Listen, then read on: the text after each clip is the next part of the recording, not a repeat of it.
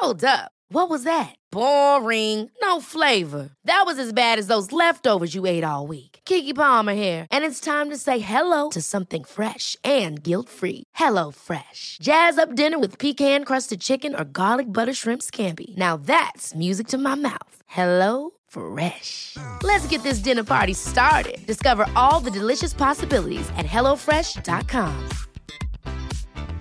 Hiring for your small business? If you're not looking for professionals on LinkedIn, you're looking in the wrong place. That's like looking for your car keys in a fish tank. LinkedIn helps you hire professionals you can't find anywhere else, even those who aren't actively searching for a new job but might be open to the perfect role. In a given month, over 70% of LinkedIn users don't even visit other leading job sites. So start looking in the right place. With LinkedIn, you can hire professionals like a professional. Post your free job on linkedin.com slash people today. تنويه صغير قبل ما نبلش حكايتنا. الحكاية بتحتوي على مشاهد عنف منزلي. كل خلية بجسمي كانت ترجف. حاسة إن أنا عايزة أخرج من جسمي. تجارب وحكايات عن الجسد والذات وما بينهما. هنا شبكة Kerning Cultures تستمعون لبرنامج جسدي. مرحبا. عم تسمعوا الحلقة 19 من الموسم الثالث من بودكاست جسدي معكم ألمعن تبليه كم امرأة بتخلق وبتعيش وبتترك هالعالم وهي ما جربت شو يعني تكون وحدة لفترة ما من حياتها؟ طالت هالفترة أو قصرت. ما عرفت شو يعني استقلالية. ما عرفت تحتفي بحالها وبوقتها. تسترخي بعيدا عن القيود والمطالب والأدوار المرسومة مسبقا. كم امرأة دفعت ثمن غالي جدا لتحقق هالرغبة يلي تعتبر أصلا ترف بكتير أحيان ما بتجرؤ كثيرات حتى أنهم يقتربوا من التفكير فيه. ليه طلب الحرية غالبا عم يقترن بسيناريوهات الانفلات الأخلاقي؟ هالمصطلح اللي أصلا هو شيء كتير خلافي وغير متفق عليه. وكيف في نساء عم يقدروا يثبتوا لمحيطهم إنه ما في أي ارتباط شرطي بين الاثنين. بشبكة Kerning Cultures ومنصة موج وعبر بودكاست جسدي عم نتعاون لنروي قصص النساء من خلال سلسلة حكواتية وعلى لسان حكواتيات من أنحاء العالم العربي الحكاية 19 القصة دي مش قصتي ولكنها قصة حقيقية حصلت لامرأة عربية فضلت إن تبقى هويتها مجهولة. حرية بالإيجار. أول 19 سنة من عمري عشت حياة كانت شبه أميرات ديزني زي بداية الفيلم قبل ما الأمير يجي وينقذهم. مرفهة بس حياتي كانت كلها قيود. كنت دايما بحلم بحريتي بس في قصتي للأسف ما كانش فيه أمير. كان لازم أنا اللي أنقذ نفسي. أهلي دكاترة نعتبر مرتاحين ماديا. كنت بدرس في جامعة خاصة واحتياجاتي المادية كانت كلها مجابة. عمري ما نظفت أوضتي ولا طبخت. كان كل اللي مطلوب مني إني أذاكر وألتزم بمعايير أسرتي المحافظة عن البنت الكويسة في تعريفهم. أهلي كانوا فارضين عليا حاجات وممنوعات كتير قوي. ما كانش مسموح ليا يبقى لي صحاب ولاد. مش مسموح ليا يكون عندي حسابات على مواقع التواصل الاجتماعي. الخروج يبقى مرة واحدة بس في الأسبوع بعد تحقيق طويل خارجة مع مين رايحين فين. وطبعا لازم أبقى أول واحدة تمشي من الخروج عشان ألحق أرجع البيت في ميعادي. عشان أكون دقيقة هي قواعد دي كانت ماما بس اللي حطاها. أمي من أصل ريفي ومؤمنة إننا غير بقية الناس على حد قولها يعني. بالنسبة لها إن أنا ألبس لبس محتشم وأعيش حياة محافظة هو ده الإثبات ليها ولأسرتنا إنها عرفت تربي بنتها على الأصول الريفية بالرغم من إنها انتقلت إن هي تعيش في العاصمة. حسيت إن كل ما حياتي فضيت وضاقت كل ده ما بيبقى انتصار وفخر ليها. بابا مش كده بس هو في السعودية من وأنا صغيرة. كان سايب ماما تمارس عليا كل أنواع التعذيب بمعنى الكلمة. ولما اشتكي له يقول لي ما هي من حقها تبقى عايزة بنتها تبقى محترمة. يعني أنا هعارضها عشان بتعمل الصح؟ أنا عارضها بس لو بتحرض على الغلط. أخويا اللي أصغر مني كان مسموح له يفتش في موبايلي ويتهمني ويعترض على اللي أنا لابساه. دايما كنت شايفة إن ده شيء مش طبيعي مش ده الصح. ما ينفعش حياتي تبقى مقيدة دايما بس عشان أنا بنت. بالذات إن أنا كنت شاطرة ومجتهدة في الدراسة جدا. كنت على طول بفكر إن لو ما كانش نوعي الاجتماعي جزء من المعادلة أهلي كانوا هيحبوني ويقدروني جدا ويشوفوني حد ممكن يبقوا فخورين بيه.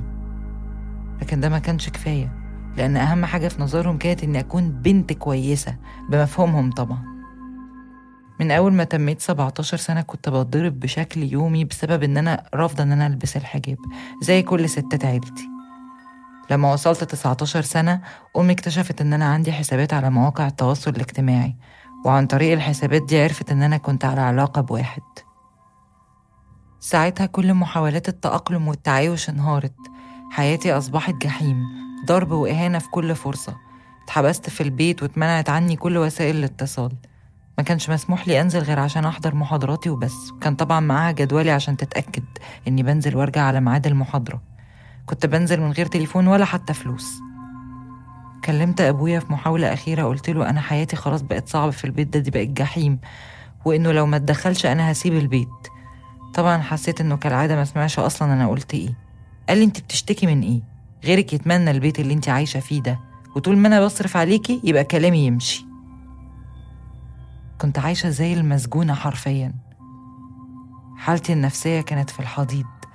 قعدت مع نفسي وفكرت إني لو فضلت عايشة بالشكل ده أكتر من كده ممكن أذي نفسي فأخدت قرار إن أنا لازم أمشي من هنا. لما حاولت أستقل وأقرر إن أنا أسيب البيت قررت إن أنا أسيبه من وراهم. برغم مدى الكليشيه اللي في الجملة دي بس لقيت إن أنا ما عنديش اختيارات تانية. بس القرار ما كانش بسهولة إن أنا أفتح باب الشقة وأجري. بحمد ربنا بالرغم إن أنا صغيرة في السن لكن بسبب إن أنا اطلعت على قصص كتير لبنات عملوا كده أو حاولوا يعملوا كده كان عندي معلومات كافية عن اختار القرار ده. بالنسبة لعيلة محافظة زي عيلتي أو غالبية العائلات في مصر بنت تسيب البيت وتروح تعيش لوحدها دي واحدة من الجرائم الكبرى اللي بعدها تتعاملي زي المجرمة وممكن يستحلوا فيكي أي حاجة. إن بنت تسيب البيت ده ملوش غير توصيف واحد في مجتمعنا إنها ماشية على حل شعرها زي ما بيقولوا. بيبقى في تصور كده إنها سابت البيت عشان تعمل كل الممنوعات اللي كانت مفروضة عليها. فكرة الاحتياج للاستقلال لمجرد إن الواحدة تكون حرة وبراحتها وتتعرف على نفسها أكتر دي مش في قاموس المجتمع ده. سبتي بيت أهلك يعني أنت منحلة وبقيتي في عداد المنبوذين. كنت عارفة اللي هيحصل لي بس كان أرحم من الحياة اللي كنت عايشاها. بدأت أحضر خطة وما كانش معايا أي وسيلة اتصالات. كنت بستغل الساعتين بتوع الجامعة وأبعت لأصحابي إيميلات من كمبيوتر الجامعة. أقول لهم أنا بفكر في إيه؟ وكل حد بيساعدني في خطوة من الخطوات دي. بعد شوية واحد من أصحابي جاب لي تليفون صغير كنت بخبيه عشان أقدر أتواصل معاهم أحسن. أول خطوة كانت إني حولت ورق الجامعة عشان ما كنتش هقدر على مصاريف الجامعة الخاصة بعد ما أنفصل عن أهلي. وكمان عشان أهلي ما قدروش يلاقوني هناك. تاني حاجة كانت إني أنقل حاجتي. فضلت لمدة شهر كل يوم وأنا نازلة الجامعة أخبي هدوم في شنطتي وأديها لواحدة صاحبتي تشيلهم عندها. عشان لما أجي أمشي أكيد مش هعرف أخد كل حاجة معايا في نفس الوقت. لقيت أوضة في سكن للطالبات. كان صاحب العمارة فاتح شقتين على بعض وبيأجرهم بالأوضة. طبعا عادة الطالبات بيكونوا جايين من محافظات تانية وما عندهمش أهل في القاهرة. بعد لما بقيت مستعدة نزلت مرة الجامعة وما رجعتش تاني. أول يوم في البيت الجديد واحد صاحبي جاب لي نودلز اندمي سريعة التحضير وحاجات جاهزة على القلي من السوبر ماركت كان عمري ما طبخت وكنت لسه ما لقيتش شغل ومعيش فلوس أطلب أكل جاهز كل يوم. بعد كام يوم قلت لأ أنا مش هينفع أعيش على الأكل ده. كلمت السوبر ماركت طلبت مكرونة وصلصة وقلت للراجل هو بعد إذن حضرتك أطبخهم إزاي؟ أكتر حاجة كنت خايفة منها إن أهلي يلاقوني أو يعملوا زي الحاجات اللي سمعت عنها يعملوا مثلا بلاغ سرقة ضدي عشان الشرطة هي اللي تلاقيني. ده خلاني أفضل أول فترة بعد ما سبت البيت مش بتحرك بموبايل. ولما اشتغلت بعد كده وكنت محتاجة يبقى معايا موبايل جبت خط مش باسمي. بحمد ربنا إن أبويا منع أمي إن هي تعمل أي تحرك قانوني ساعتها. قال لها إحنا مش عايزين فضايح. كنت خايفة كمان ما بقاش قد الموضوع. معرفش أعمل فلوس كفاية عشان أصرف على نفسي أو أتعرض لأخطار أنا مش قدها أو أي حد يأذيني. كنت مدركة إني لما عملت الخطوة دي أنا فقدت كل الامتيازات اللي كانت عندي واتحطيت في خانة جديدة عليا في المجتمع خانة المغضوب عليهم. المجتمع بيتعامل بعنف مع الستات المستقلة زي ما بيتعامل بعنف مع البنات الغير محجبة أو اللي في الشارع بعد تسعة بالليل أو المثليين والأقليات. المجتمع عايش في حالة كاملة من الخوف والعداء لأي شيء مختلف. لأول مرة بعد ما كنت متعودة إن الجيران في بيت أهلي بيسلموا عليا بحب لما أقابلهم عند الأسانسير جيراني أصبحوا مصدر خوف وتهديد طول الوقت. في البيت ده وفي البيوت اللي نقلت ليها بعدين كنت بطلع وبنزل وأنا باصة في الأرض تحت نظرات الجيران اللي بيبصوا لي كأنهم شايفين حد بيهدد شرف العمارة. الجيران عايزين أسر بس اللي تعيش معاهم. بالكتير قوي رجالة عايشين لوحدهم لكن بنات لوحدها كنت حاسة إني في قاع السلم الاجتماعي بتاع العمارة. نفس الشيء كان بيحصل لي مع أصحاب الشقق. صاحب الشقة اللي بيسكن بنت مستقلة بيتعامل كأنه بيقوي هارب من العدالة. وبيكون في إيده كل القوة. بيتعاملوا مع البنت كأنهم بيعملوا لها خدمة عشان سكنوها وهم متضررين. وكانوا بيفرضوا قواعد وشروط بأريحية لأنها في خانة لوحدها ضد الجميع. هتشتكي لمين؟ هم عارفين إن في أغلب الأحوال البنت دي مش على وفاق مع أهلها والمجتمع رافض اختيارها. ده الشرطة نفسها في بعض الأحيان كانت بتستجيب لشكاوي وممكن تيجي وتقبض على واحدة بتهم أخلاقية لمجرد إن عندها صديق مثلا في البيت. نقلت تلات شقق في أقل من سنة بسبب المشاكل اللي مش بتخلص. مواقف كتير حصلت حسستني إني صغيرة قوي ولوحدي تماما. مرة رحت أقابل صاحبة شقة كنت عايزة أجرها كنت لابسة توب كان مبين كتفي. لقيتها بتبصلي بقرف بعد ما كانت موافقة في كلامنا على التليفون إن أجيب القط بتاعي. قالت لي ممنوع القطط. وبدأت تطلب طلبات زيادة. طلبت منها إن أنا أقابل الزملاء اللي هيبقوا ساكنين معايا اللي هعيش معاهم. قالت لي مش موجودين. وبعدين قالت لي أنت عايزة تشوفيهم ليه؟ يا ريتك تبقي زيهم. أنا اللي عندي دول محترمين. فهمت إنها بتلقح عليا. نزلت وما كلمتهاش تاني. صاحبة شقة تانية قالت لي أخويا كان قاعد على القهوة وناس قالت له إن في بنات عندكم بيطلع لهم رجالة. وبدأت هي وأخوها والجيران يضايقونا أنا والبنات اللي معايا في الرايحة والجاية لحد برضه ما مشيت. أصعب موقف حصل لما صاحب بيت كان متضايق إنه أصحابي بيجولي طلع لي البيت هزقني وطردني في ساعتها ورفض حتى يديني مقدم التأمين اللي كنت دافعاه. دي أكتر لحظة حسيت فيها بالقهر وإني معرفتش أخد حقي. كان عنصر الأمان النسبي الوحيد اللي ممكن أوفره لنفسي هو إني أسكن في مناطق مستواها مرتفع شوية. وده كان تمنه إني كنت بشتغل طول الوقت عشان أقدر أأمن الإيجار وباقي مصاريفي الأساسية. لقيت شغل في كول سنتر كنت بدفع نص مرتبي منه في الإيجار وبدأت أعمل شغلانات تانية عشان أقدر أكفي احتياجاتي. كنت بخلص شغل في الكول سنتر عشر ساعات وبعدين أروح أشتغل ست ساعات مرة في الإشراف على الامتحانات في مركز تعليم لغات ومرة في تنظيم مؤتمرات أي حاجة بتجيلي يعني. أخدت فصل أجازة من الجامعة لحد ما استقريت في الشغل وبعدين رجعت على جامعتي الجديدة. كنت حولت الجامعة حكومية طبعا. أول يوم اتخضيت لأن كل حاجة كانت غير اللي أنا اتعودت عليه في المدارس والجامعات الخاصة اللي أهلي دخلوني فيها من وأنا صغيرة. زحمة رهيبة ومفيش حد يقول لي أروح فين ولا أعمل إيه. طول الفترة دي بنت عمتي كانت الوحيدة في أهلي اللي معاها رقمي وعارفة عنواني. وعمتي كمان كانت في صفي بس كانت مرعوبة من بابا عشان قال لها إنه هيقاطعها لو ساعدتني. كانت ساعات بتبعت لي فلوس مع بنت عمتي بس حلفتني عمري ما أقول لبابا. بابا بقى ما تواصلش معايا خالص طول المدة دي. كان مراهن على إني عيلة مش عارفة أنا بعمل إيه ومش هعرف أتصرف وهرجع بعد شهر ولا شهرين. وأنا مقدرة النعمة اللي أنا كنت عايشة فيها. بعد ست شهور ماما بعتتلي على الفيسبوك وطلبت تكلمني.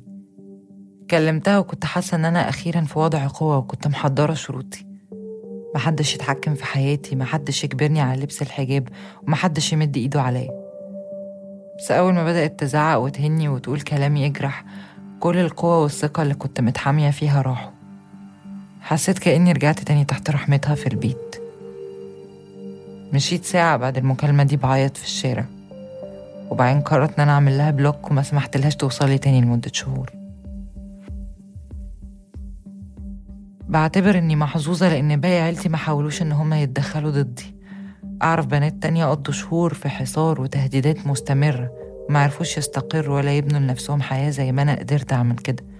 لأنهم كانوا طول الوقت بيهربوا من الأذى اللي بيلاحقهم في كل حتة بيروحوها. سمعت عن اللي أهلها كانوا بيهددوا وساعات يحبسوا اللي بيحاول يساعدها باستخدام معارفهم واللي رجالة العيلة اتكتروا عليها وجرجروها على البيت. أنا عمي كان في صفي كان شايف قد إيه أمي مؤذية وبيحاول يتوسط. بعد عشر شهور قدر يوصل لأبويا إن قد إيه الوضع صعب. أبويا وقتها قرر إنه يرجع من السعودية ويشوف إيه اللي بيحصل. رجع وقعدنا نتكلم. اشتكيت له تاني من كل اللي بيحصل لي في البيت بس المرة دي حسيت إنه سمعني ووعدني إن هو مش هيسمح إن ده يحصل تاني. قال لي إنه قابل اختلافاتنا وإن محدش هيحاول يغيرني ساعتها قررت إن أنا أرجع البيت معاه.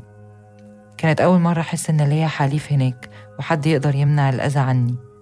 كنت فاكرة إني خلاص عرفتهم إنهم مش هيقدروا يعملوا فيا كده تاني بس واضح إن كان لسه باقي جولة كمان. من أول ما رجعت الوضع رجع زي ما هو. أمي واقفالي على الواحدة وأبويا كالعادة شايل إيده من الموضوع. كل يوم كنا بنقعد نصرخ في وش بعض وفي مرة شدتني من هدومي وقطعتها لي. ساعتها قررت إن أنا أمشي تاني. عرفت إن خلاص سيباني البيت هو الكارت الوحيد اللي في إيدي. بس هي ما كانتش بس حركة استراتيجية أنا أصلا خلاص ما بقاش فيه اللي يجبرني إن أنا أعيش كده بعد ما قدرت أستقل وأعتمد على نفسي. ساعتها أبويا اتدخل تاني بس المرة دي بجد. قرر إنه مش هيرجع تاني السعودية وهيفضل عايش معانا. وببساطة منع أمي إنها تتعامل معايا خالص. بقينا عايشين زي اتنين نزلة في أوتيل واحد. دلوقتي أنا في البيت تاني بقالي حوالي سنة. ما أقدرش أقول إن كل مشاكلي اتحلت الوضع في البيت لسه صعب. أمي ما بتقدرش تمسك نفسها إنها ترمي كلمة كده وأنا معدية وأنا بعمل نفسي مش سامعاها. وهي ما بقاش في إيديها تعمل أصلا أكتر من كده. أنا لما مشيت ما كنتش ناوية أرجع. كنت حاسة إني هربت من الجحيم. بس مع الصعوبات اللي واجهتها بره وشوية التغييرات اللي حصلت في البيت ده بقى أفضل حل متاح ليا دلوقتي. لأول مرة أبويا موجود في البيت وعلاقتي بيه بتتحسن هو شاف إن الكلام اللي كانت أمي بتقوله عليا مش صح. شاف إني لما بقيت لوحدي ما ضعتش وكنت قد المسؤولية وقدرت أنجح في الدراسة والشغل مع بعض. لأول مرة أحس إنه بيعاملني إني واحدة كبيرة. أما أمي بعد شهور كتير وصلنا إننا نقدر نقعد نفطر مع بعض ونقول كلمتين. بس باخد بالي إن الكلام يفضل سطحي وما نقربش من أي حاجة تخصني. طبعا أنا مكملة في الشغل. في خطوات خلاص لما الواحد بياخدها ما بيرجعش فيها. عمري ما هسمح لحد تاني إنه يقول لي أستحمل إهانة عشان هو بيصرف عليا. على طول بهزر مع صحابي وأقول أنا دخلت حرب مع الأبوية وكسبت حسيت إني كسبت بعد أول مرتب قدرت أدفع بيه الإيجار. بعد أول فصل دراسي قدرت أنجح فيه وأنا بشتغل. بعد ما رجعت البيت وأنا شايفة في عينيهم نظرة بتقول إنهم عارفين إني واحدة تانية. مش هيقدروا يعملوا معاها اللي عملوه معايا زمان.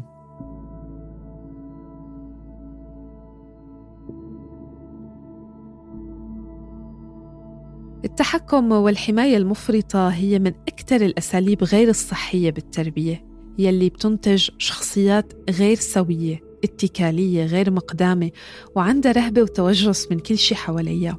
ما بتآمن بنفسها ولا بقدراتها. وكمان إذا ترافق هالشي مع تمييز على أساس الجنس فبتتفاقم المشكلة أكتر وأكتر. التمرد على هالنمط من التربية والحياة ممكن يوقف الأثر السلبي.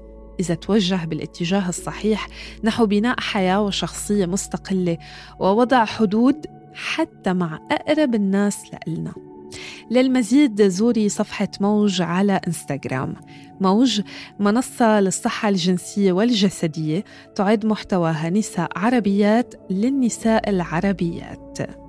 شكر كتير كبير على المتابعة. مني المعنتبلي ومن شهد بني عودة وهبة عفيفي وفريق موج يلي أعدينا لكم هالحلقة. من التصميم الصوتي شكر من محمد خريزات وبول ألوف. ومن التسويق بلا إبراهيم وسمية أبو عبد الله. حكاية اليوم كانت بصوت منا التوني. رسوم الحلقات لمنى الكاتب. انطرونا الخميس الجاي بحلقة جديدة. ضلوا بخير.